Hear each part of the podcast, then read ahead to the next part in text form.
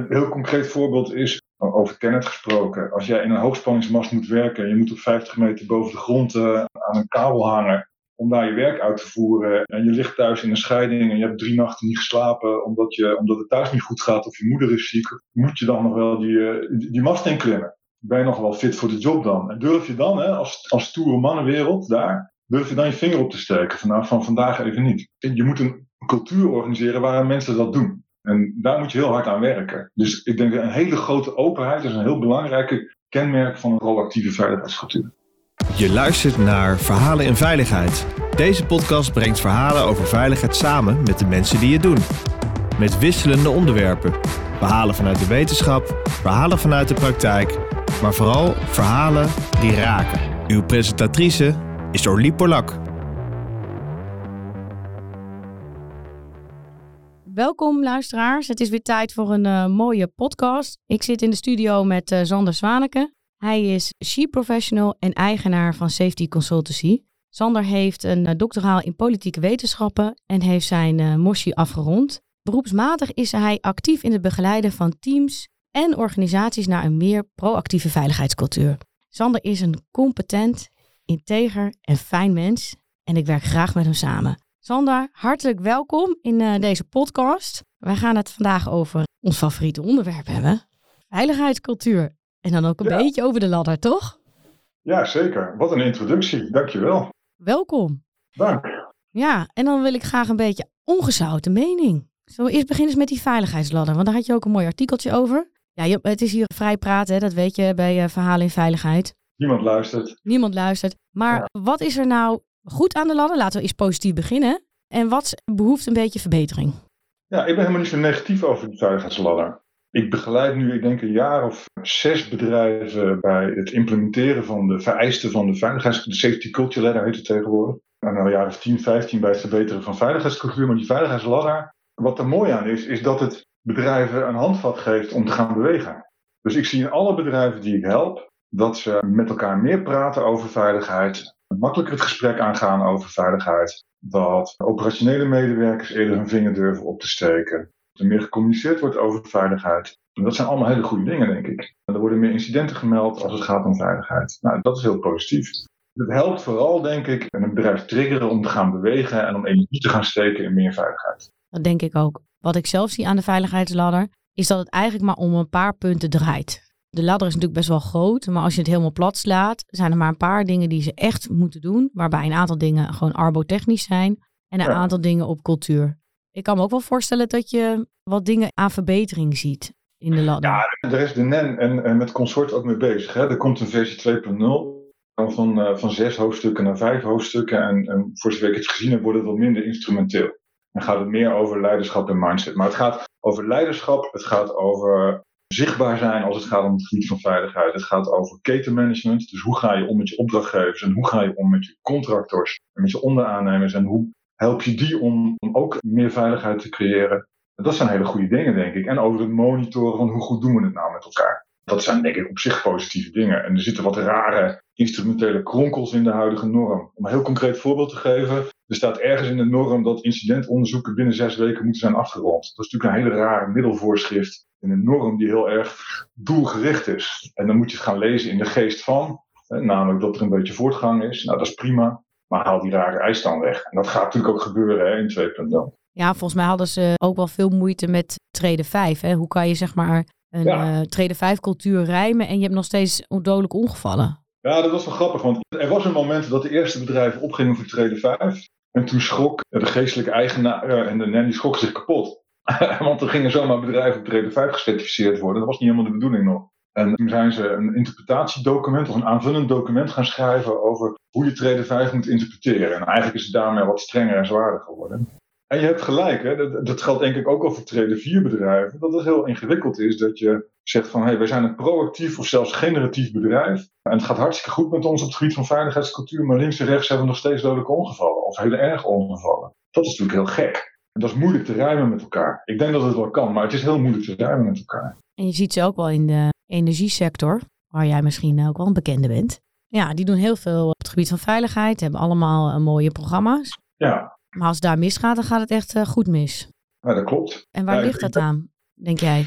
over het algemeen vrij grote bedrijven. En dan geven een stempel over het hele bedrijf. Maar in zo'n bedrijf is natuurlijk niet één veiligheidscultuur. En dat zul je herkennen in heel veel bedrijven. Er zijn silo's, er zijn afdelingen, er zijn uh, verschillende landen.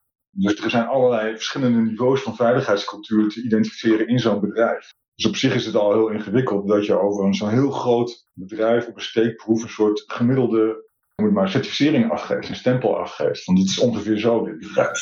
Terwijl je zult vlekken hebben, spots hebben, die zijn wel een, niveau hoger. En je zult vlekken hebben, spots hebben waar het een niveau lager is. En die nog niet meegegaan zijn in de vaart volken. En de grote vraag is natuurlijk, wat is veiligheid? Is dat het afwezig zijn van ongevallen of is dat het managen van risico's? Dat is natuurlijk een klassiek thema in de veiligheidskunde. Hoe meten we nou of het veilig is? En, ja, en, hoe meet jij het? Wat vind jij veilig?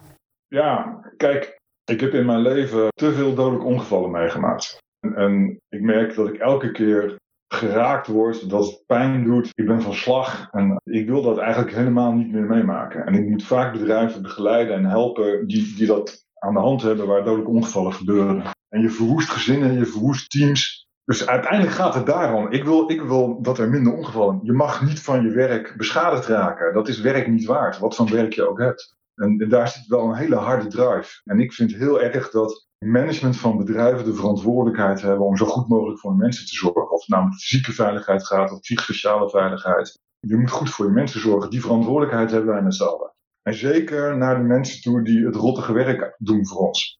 industrieel reinigen, de afvalsector, operators in de, of, of monteurs in, in, in de bouw, of timmerlieden in de bouw, monteurs in fabrieken, die doen het. Uh, verpleegsters, alle mensen met, die met hun handen werken, en een combinatie van handen en hoofd, zeg maar, die worden blootgesteld aan risico's. En nou, daar hebben we wel een verantwoordelijkheid voor, denk ik. Ja, dat klinkt misschien wat elitair, maar ja, ik voel dat wel heel diep, om het maar zo te zeggen. Maar heel veel van die mensen die willen helemaal niet verantwoordelijk zijn. Dus je noemt net een voorbeeld van de afvalindustrie. Ja. En daar wordt erg, dat weten luisteraars misschien niet, maar een van de problemen bij de afvalindustrie is ook tijdrijden. Is dat route krijgen. Op die route zit een contract. Daar zitten zoveel pick-ups op. En dat tijdrijden wordt door de gemeente opgelegd. Ja, kijk, dat klopt. Hè. De afvalsector is een moeilijke sector.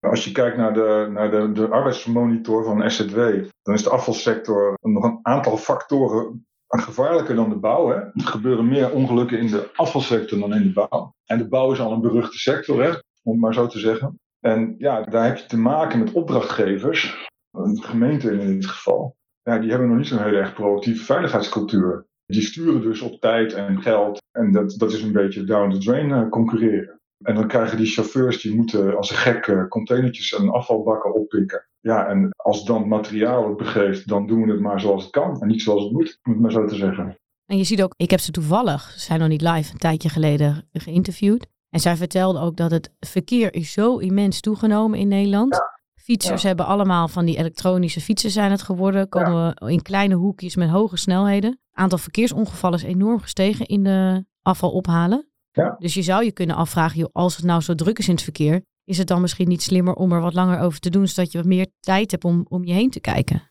Ja, ja, en dan helpt het als je een opdrachtgever zou hebben die daar bereid is om over mee te denken en die die verantwoordelijkheid ook voelt. Dus dat denk ik wel een beetje. En, en, en daar, daar is die norm dan wel weer leuk voor, die safety code Die pretendeert in ieder geval te kijken naar die hele keten. Van opdrachtgever naar, naar aannemer, naar onderaannemer. Ik, ik heb gisteren een feestje mogen vieren omdat ik een hele grote opdrachtgever in Nederland, het eerste entiteit, mocht feliciteren met het behalen van trede 4 op de ladder. Daar is een opdrachtgever die zijn verantwoordelijkheid neemt die met aannemers partnerships aangaat in veiligheid. En dat gaat allemaal niet perfect en dat is een heel proces en heel veel gezoek. Maar het is wel leuk om te zien dat daar stappen in gemaakt worden. Gemeenten in Nederland zijn over het algemeen niet, staan niet bekend als de meest proactieve opdrachtgever in Nederland. Rijkswaterstaat doet nu zijn best. Hè? Rijkswaterstaat eist ook van de aannemers dat ze gecertificeerd raken op de veiligheidsplannen. Ik neig ernaar om ze daarmee te complimenteren van dankjewel, dat is goed, dat helpt. Er zit ook een hele grote valkuil in. Hè? Dat we onze verantwoordelijkheid op die manier delegeren naar een stempeltje. Van ik heb het toch geregeld, ik eis van aannemers dat ze gecertificeerd zijn en daarna moet het goed zijn. Maar daarmee begint het pas.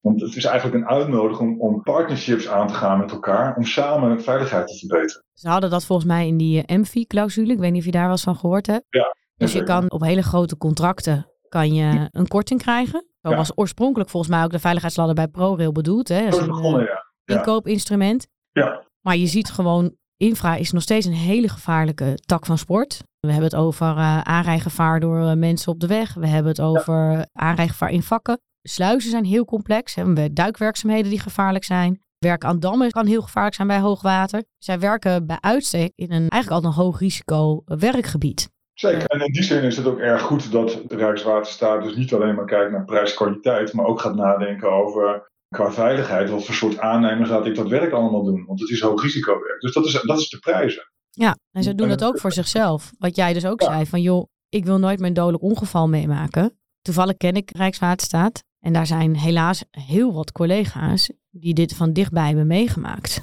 En die dit dus, wat jij net zelf ook zei, dat je dat in je hele team elke dag met je meeneemt. Ja. Dus het is ook wel e- enorm vanuit de mensen zelf. Dat die drive is om, om niet meer zeg maar, bij de familie op bezoek te moeten komen van mevrouw, uw, zoon komt niet meer thuis. En ik ken Rijkswaterstaat, stukken van Rijkswaterstaat ken ik, ken, ik, ken ik ook wel redelijk. Die zijn daar ook mee aan het zoeken van, van welke stappen moeten we zetten om meer veiligheid te creëren. En hoe kunnen we dat meenemen in aanbestedingsprocessen. Er zitten ook allerlei juridische haken en ogen aan. Hè? Je mag niet zomaar bedrijven selecteren op betere veiligheidsperformance. Ik denk dat de ladder hier wel wat in kan doen. Ik wil jou een idee eh, voorleggen misschien en dan kan jij eens op reageren. Wat mij opvalt met de ladder is dat niet iedereen betrokken wordt in de meting. Dus de ladder zegt, ja, we willen dat je aan ketenveiligheid doet. Hè, dat je overlegt met je partners in de keten of in de branche zelfs. Dat is trede 5. Maar sommige van die ketenpartners krijgen die eis niet. Die soms wel een hele cruciale rol spelen in die veiligheid. Bijvoorbeeld net hadden Wat bedoel je dan precies? Nou, we hebben laten we bij de afval blijven. Ja. Bij de afval hebben we twee spelers die een enorme invloed nu hebben op de veiligheid. De ene kunnen we niet meten, dat is eigenlijk het Nederlands publiek. Dus we hebben uh, Nederlanders die agressief zijn, die gaan toeteren, die vrachtwagenchauffeurs enorm aan het opjagen zijn, die er toch even tussendoor langs willen fietsen. De openbare ruimte. De openbare, ja, maar ze doen dus ook gevaarlijke dingen in die openbare ruimte. Dan hebben we het alleen over verkeer. Maar een van de risico's is dat de bakken te vol zitten of de containers. Of spullen in die containers zitten die er niet thuis horen. Ja, en laat je hem dan staan of neem je hem toch mee? Nou, ze nemen ze allemaal mee, want die jongens willen een schoon Nederland. En komen dan of onder gevaarlijke stof te zitten, of glas wat in hun ogen springt, of batterijen die ontploffen. Mensen gooien hun lithium batterijen gewoon in de prullenbak. En in de wagen gaan ze dan ontvlammen. Heel veel mensen weten dat niet eens. Dan heb je van die uh, brandende vrachtwagens, heb je dan. Dan moeten ze dan snel uitspringen. Maar dat kun je niet blussen, dat weten mensen ook weer niet. Maar daar doen we ook niks mee. We hebben hier geen gedragscampagne in Nederland gehad van... jongens, hoe gaan we nou om met onze afvalinzamelaars? Hebben we daar wel respect voor? Waarderen we wel onze schone straat? Jij je pleit ervoor dat, dat er een communicatiecampagne komt vanuit de Rijksoverheid... of denk ik dan zo, of vanuit de gemeente... waarin we begrip laten zien voor de, voor de vuilnisman en vrouw. Ja, dus dat, maar die kan ik niet meten op de veiligheidsadder. Maar ik zou bijvoorbeeld wel de gemeente kunnen meten. Exact. Ja, dat kan die kan ik in mijn, in mijn meting zetten. Ja, je kan gemeentes, kan je... Ja, wat bedoel je met de meting? Met een meting? Nou, eigenlijk dat ik zeg, joh, als we nou in een consortium werken hè, met gemeenten en, ja. afvalinzamel. Dat jullie samen in die cultuurmeting zitten. Dat jullie ook deelnemen samen in die cultuurmeting, omdat jullie allebei daar heel veel invloed op hebben. En dat zij eigenlijk moreel worden, nou ja, ik kan niet zeggen verplicht, maar gevraagd worden om daarin te participeren. Ja, je ziet natuurlijk dat een bedrijf als Rijkswaterstaat of een Tennet, als een hele grote opdrachtgever, dat is zelf gecertificeerd. En dat eist van zijn aannemers dat ze gecertificeerd zijn. En vraagt ook nog een keer aan zijn aannemers, denk eens na over hoe je onderaannemers bereikt op het gebied van, van cultuur. En ik weet bijvoorbeeld, wat ik wel een creatieve oplossing vind, dat ze eisen van hun, aannemer, van hun hoofdaannemer dat het werk wat wordt uitgevoerd door onderaannemers, dat dat voor minstens 50% van de uren gebeurt door bedrijven die ook weer gecertificeerd zijn. En certificatie is natuurlijk ook maar een stempeltje en een instrument. Hè. Laten we ervan uitgaan dat gecertificeerde bedrijven dat dat zin heeft. Uh, dan is dat een manier om naar die hele keten te kunnen kijken. Bij de overheid, en dat vind ik wel interessant wat is dat heel ingewikkeld. Want we hebben het over de burger. De openbare ruimte, uh, daar lopen burgers rond, er fietsen burgers rond en een vuilnisman moet zich daar doorheen uh, bewegen. En die heeft daar last van. En wie moet je daarop aanspreken? Nou ja, dan kom je inderdaad bij de overheid uit, denk ik traditioneel gezien is dat wel een redelijk achterblijvende entiteit als het gaat om veiligheidscultuur. Ik heb een aantal gemeentes, heb ik eens een keer een, training gegeven in, eh, in veiligheidscultuur en in veiligheidsleiderschap. Dat was wel echt bij de basis beginnen hoor. Die hadden echt geen idee wat hun rol was in het versterken van veiligheid. En dat was wel heel bijzonder om mee te maken. Aan de andere kant doen ze natuurlijk heel veel aan veiligheid van de openbare ruimte. Ze zijn bezig met kruispunten verbeteren. Ze zijn bezig met zorgen dat mensen een licht op hun fiets hebben. En hè, dat is ook uh, openbare veiligheid. Dus ze doen wel wat. Maar ze snappen niet de interactie tussen een vuilnisman en, en, en een fietser. Jij hebt nu een mooie klant naar vier geholpen. Wat vind jij de kern van wat een bedrijf kan of zou moeten doen om zichzelf proactief veilig te noemen? Als ik in, op, naar treden vier bedrijven kijk, dan wil ik een aantal dingen zien. En wat ik, het eerste wat ik wil zien is een heel consistent commitment voor veiligheid van de top naar de uitvoering toe. En ik wil voelen dat bedrijven die hebben dan instrumenten op hun plek zitten, denk een incident management systeem of een rondgangssysteem. Ik wil dan voelen dat die instrumenten ook werken. Dat ze niet alleen maar vinkjeslijsten zijn, maar dat ze een instrument gebruiken om te verbeteren. Ik denk dat het heel belangrijk is dat iedereen op alle niveaus het gesprek durft aan te gaan op, veiligheid. Dus psychosociale veiligheid, vertrouwen, wordt steeds belangrijker op treden 4. Er moet een hele open cultuur zijn. Ik denk dat dat een van de belangrijkste dingen is. Een open cultuur waarin mensen makkelijk een vinger kunnen opsteken, waarin je kwetsbaar mag zijn. Een heel concreet voorbeeld is, over Tenet gesproken, als jij in een hoogspanningsmast moet werken en je moet op 50 meter boven de grond uh, aan een kabel hangen, om daar je werk uit te voeren. En je ligt thuis in een scheiding en je hebt drie nachten niet geslapen omdat, je, omdat het thuis niet goed gaat of je moeder is ziek. Moet je dan nog wel die, eh, die, mast inklimmen? Ben je nog wel fit voor de job dan? En durf je dan, hè, als, als mannenwereld daar, durf je dan je vinger op te steken? Van, nou, van vandaag even niet. Je moet een cultuur organiseren waarin mensen dat doen. En daar moet je heel hard aan werken. Dus ik denk een hele grote openheid is een heel belangrijke kenmerk van een proactieve veiligheidscultuur. Maar is veiligheid dan niet eigenlijk gewoon een werkwoord? Ja, tuurlijk. Natuurlijk is dat. Het is ook nooit klaar dit. En, en dat is ook het nadeel van die trede 5. Hè? Het idee achter die ladder is natuurlijk dat het een soort groeimodel is voor veiligheidscultuur. En het lijkt erop dat je bij trede 5 klaar bent. Dan kan je rustig achteroverleunen en, en wachten tot alles goed gaat. Maar zo werkt het natuurlijk niet. Je moet eraan blijven werken. En dat zie je ook. Ik werk bijna 25 jaar in het veiligheidsveld. En niks werkt altijd. Je moet blijven werken en nieuwe dingen bedenken en meer aandacht blijven geven aan veiligheid. Dat vereist continue aandacht. Altijd. Ik vind het altijd leuk aan het einde van de podcast een beetje met een soort uitsmijter en tip, een beetje een werkopdracht voor de luisteraar te eindigen. En ik kan me zo voorstellen dat de veiligheidskundige enorme invloed in dit proces kan hebben. Hoe zie jij dat? Traditioneel gezien eh, werden veiligheidskundigen gezien als de politieagent in een bedrijf. Die riep rond en die zei: dat mag niet van de wet en dan foei, foei, foei. En dat is een beetje een clichébeeld. Maar de ellende met clichés is dat het ook altijd wel een beetje waar is. We hadden het in het voorgesprek al heel even over dat het ook wel een beetje een grijze oude mannenwereld is. Zoals ik een, een grijze oude man aan het worden ben. En nodig is veel meer adviesvaardigheden naast managers in bedrijven gaan staan in plaats van er tegenover. Aan de hand nemen. Zorgen dat het eigenaarschap ontstaat bij het bedrijf zelf. Niet de bed weten uithangen. Ga samen op pad. Voor mij zou een tip zijn: ontwikkel je, je soft skills en je adviesvaardigheden lees daar eens een boek over na of ga daar eens een workshop of een training in volgen. Want wij zijn allemaal inhoudelijke experts, dat is echt het probleem niet. We hebben heel vaak gelijk, maar we krijgen niet altijd gelijk. Dus zorg dat je gelijk gaat krijgen. En dat is allemaal geen rocket science, maar daar aandacht aan besteden is denk ik heel belangrijk. En ik moet dat ook nog elke dag leren. Ik verval ook wel eens in gechaggerijn en gemopper, of ik ben te fel en te, te agressief en uh, wat ik er iets van vind. Dus word milder en zachter en help ook een bedrijf verder in plaats van gaan er tegenover staan. Dankjewel voor deze inspirerende podcast. Graag gedaan.